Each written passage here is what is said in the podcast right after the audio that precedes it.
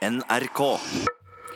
I eh, Kulturnytt skal vi først høre mer om eh, hva slags eh, kulturtilbud folk brukte på første nyttårsdag i 2017. Kari Bekken Larsen. Ja, for da var veldig mange av oss sofakulturelle. Det vil si at vi så, lå hjemme i sofaen og så på Netflix. Det viser nemlig vareopptellinga som eh, denne strømmetjenesten har gjort nå før jul. Netflix har flere enn 109 eh, millioner brukere i over 190 land, og her i Norge var altså første nyttårsdag den mest populære strømmedagen. Og serien flest nordmenn fråtsa i og så i en jafs, var denne. What the hell's wrong with you, Adams? The hell are you doing? Adams, come on! What the hell? Why'd you stop?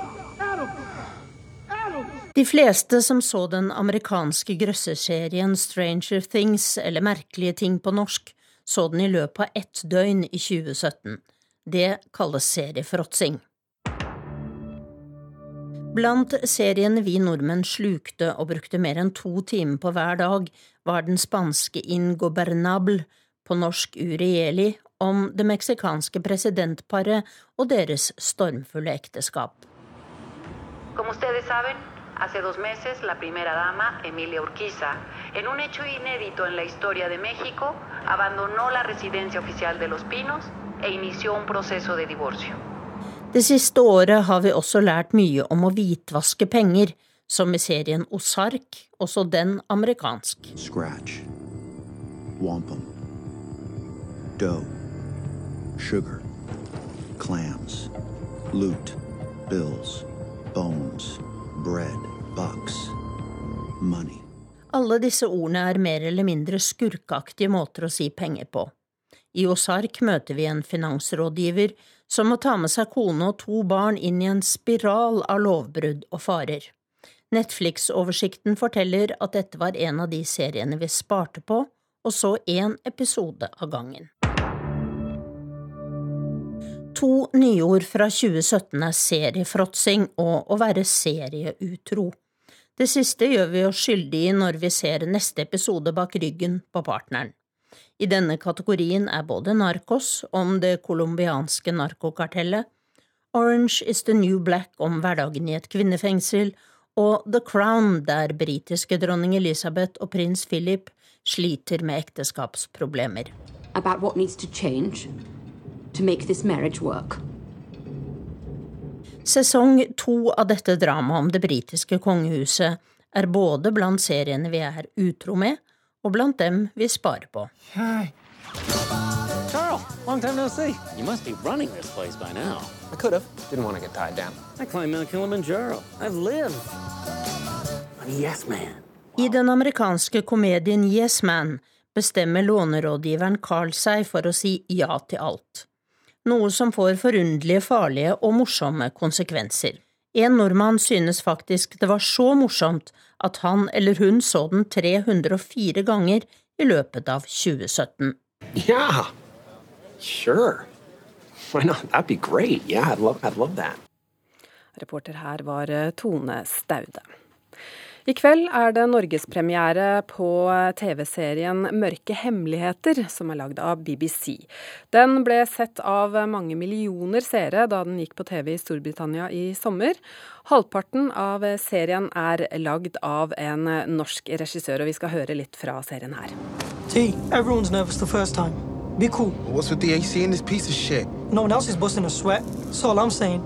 Got some tunes on us. I'm young. No tunes. You need to concentrate. Yeah, lad. You wanna join the crew? You gotta do this. Ja, det er altså du, eh, Ulrik Imtias Rolfsen, som har eh, regi på halve denne serien. Velkommen hit. Takk for det. Dette høres jo eh, ut som litt lyssky virksomhet. Hva slags serie er dette? In the Dark, som det heter på engelsk, eller Mørke hemmeligheter, som er den norske tittelen, er en miniserie Eh, den består av to ganske uavhengige historier som er veldig emosjonelle for politietterforsker Helen Weeks. Eh, hun er spilt av eh, britiske skuespilleren Myanna Byring. Og det høres litt skandinavisk ut, og det er fordi hun er halvt svensk. Men hun er fra bl.a. Ripper Street. Så den ene historien den foregår i landsbyen der hun selv vokste opp. Og hun ikke har vært tilbake og besøkt siden hun var, var ung. Og det finnes gode grunner til det. Og det er kveldens historie. Den går på TV i to episoder. Og eh, min eh, historie den foregår seks måneder senere i Manchester indreby, som vi hørte her, med gjengmedlemmer fra ganske belasta områder. Hvordan kom du med det prosjektet her? Jeg har jobbet egentlig ganske målretta i veldig veldig mange år. Egentlig helt siden jeg laget ISAT for tolv år siden med å prøve å få jobber i, i utlandet. Så det har vært eh, stå-på-vilje i veldig mange år. Mange møter, mange reiser. Har agent. Eh, der borte. Og eh, til slutt så løsna det. Til slutt så fikk jeg min sjanse der borte. Hvorfor akkurat eh, denne serien? Hva var det som frista med den?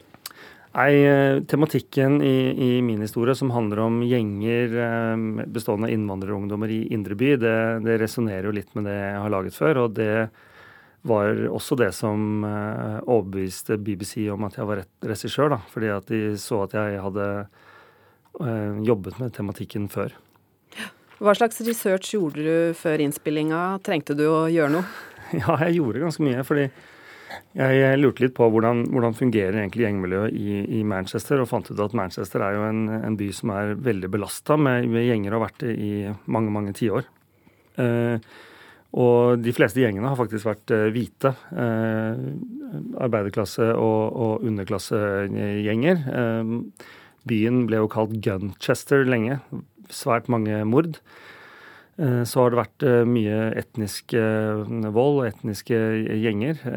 Og jeg var mest interessert i å se å si, blandet disse etnisitetene seg i gjengene, eller var det rene etniske gjenger bl.a. Men jeg gikk veldig mye rundt i Manchester, var i disse belasta områdene. Produksjonen var sånn Nei, jeg må ikke gå dit. Men jeg følte meg ganske trygg.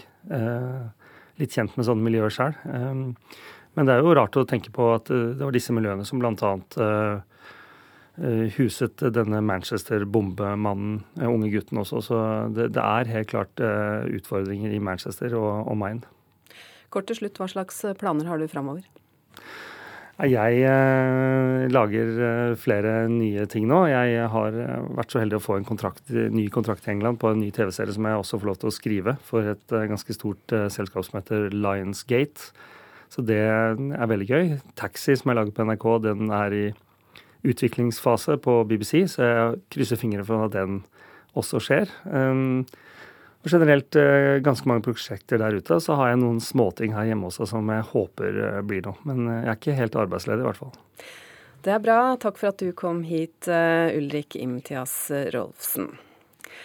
Vi skal over til noe annet. Det har kommet kraftige reaksjoner på at to journalister er pågrepet i Myanmar, reporter Haldor Asvald.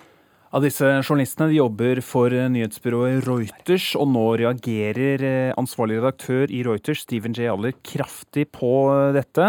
Han sier at han er rasende over det han kaller et åpenbart angrep på ytringsfriheten, og krever at myndighetene i Myanmar løslater disse journalistene umiddelbart. Og også Foreningen for utenlandske korrespondenter i Myanmar sier de er dypt sjokkert over at journalistene er pågrepet.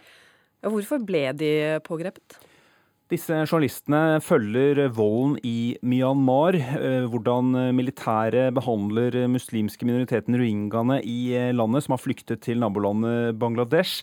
De ble meldt savnet etter at de hadde møtt to politimenn til eh, middag som jobber i dette området. Myndighetene har siktet dem for å ha avslørt statshemmeligheter. Ifølge myndighetene så har de brukt ulovlige kanaler for å skaffe seg informasjon for å dele det med utenlandske medier, sier myndighetene. FN og Amnesty har jo kalt denne flyktningstrømmen sier at den ligner på etnisk eh, rensing. Overlevende har fortalt at eh, landsbyer har blitt eh, brent ned, at folk har blitt utsatt for overgrep og, og voldtekter, men hæren nekter for at de har stått bak dette. Så kort til slutt, hva skjer nå? Ja, nå venter jo alle på å se hva som skjer videre, hvordan disse journalistene blir behandlet. Men de er siktet for en lovbestemmelse som har opptil en 14 års fengsel strafferamme. Takk skal du ha, Haldor Asvald. Edouard Louis er franskmannen som har gjort stor suksess med romanene 'Farvel til Eddie Belgueul' og 'Voldens historie'. Begge er blitt teaterforestillinger i Norge. I går var det urpremiere på 'Vallens historie' ved Det Norske Teatret. Vi skal høre et utdrag fra forestillinga. Jeg bare strauk han over huet og lytta. Kanskje far hans hadde ønska å, å dra til en stad uten venner, uten familie, uten fortid, tenkte jeg. For det, var det jeg sjøl tenkte da jeg flytta inn til byen første gang. At det er en stad uten fortid, uten historie, og dermed også uten skam. Kunne jeg være den jeg i hemmelighet ønska å være? Her hørte vi fra forestillinga Vallens historie med skuespilleren eh, Preben Hodneland og Emil Johnsen. Forestillinga hadde premiere ved Det Norske Teatret i går. Karen eh, Frøsland Nystøyl, teaterkritiker her i NRK. Først må vi eh, bare ta Hvem er Edouard Louis som har skrevet dette her? Han er, som du sa, en eh, fransk forfatter og er kjent for disse ganske sjølbiografiske romanene 'Farvel til Eddie Belgueul' og 'Voldens historie'. De handler om hans oppvekst som homofil på den franske landsbygda, eh, og om hans klassereise. Han er nå en del av den eh, intellektuelle eliten i Paris, vil jeg på mange måter si. Og 'Voldens historie' fortsetter på mange måter der 'Farvel til Eddie Belgueul' slapp. Voldens historie er en fortelling om drapsforsøk og voldtekt. Og det er en roman som har stått, uh, fått stor oppmerksomhet i Norge. Egner den seg som eh, teater? Ja, men jeg tror på litt andre vilkår enn det jeg så ved Det Norske Teatret i går. Jeg hadde ganske store forventninger etter å ha sett uh, 'Farvel til Eddie Belgull' som teater, med Emil Johnsen, som vi òg hørte her, eh, alene på scenen den gangen. Jeg har store forventninger til regissør Kjersti Horn, til det kunstneriske ensemblet i det hele tatt. Men denne gangen så opplevde jeg ikke at jeg så ei balansert forestilling. Den var tekst tung. Um, det skulle vært en dramatiker inne og skrevet om i lag med ensemblet, tenker jeg. Den ble spilt i et for stort rom. Jeg hadde ønska meg en mer intim eh, scene for å gjøre det, gjøre at enda mer sto på spill. Og så har de valgt å legge et lydteppe, musikk, i lag med hele tida. Og det begrenser den utfoldinga teksten får i stykket. Og det legger òg begrensninger på skuespillerne i det store rommet. Så alt i alt så opplevdes det litt tungt og litt langt. Hvordan klarte skuespillerne seg? De klarte seg veldig bra. De har jo lært seg mye tekst, og de gjør gode vekslinger i fortellinger av historier. og Særlig Preben Hodneland har veldig gode vekslinger mellom karakteren Edouard og søstera hans, som gjenforteller voldshendelsene. Eh, så er begge skuespillerne ofre. Det er ikke sånn at det er én som er overgriper og én som er offer. Det veksler veldig fint. Og det aller fineste i, i, spillet, det er de situasjonene der de to bare er intime og har et sånt utrolig fint spill sammen. For det gjør noe med hele settinga. Det gjør at vi ser at det er en komplisert og kompleks historie som fortelles, selv om det òg er om overgrep og drapsforsøk og vondt. Til slutt, eh, anbefaler du forestillinga? Jeg anbefaler den for de som kjenner Edouard Louis, og som er interessert i Hanna-materialet, og for de som er interessert i hvordan man forflytter tekst fra bok til scene. Takk skal du ha, Karen Frøsland Nystøl. Du har hørt en podkast fra NRK P2.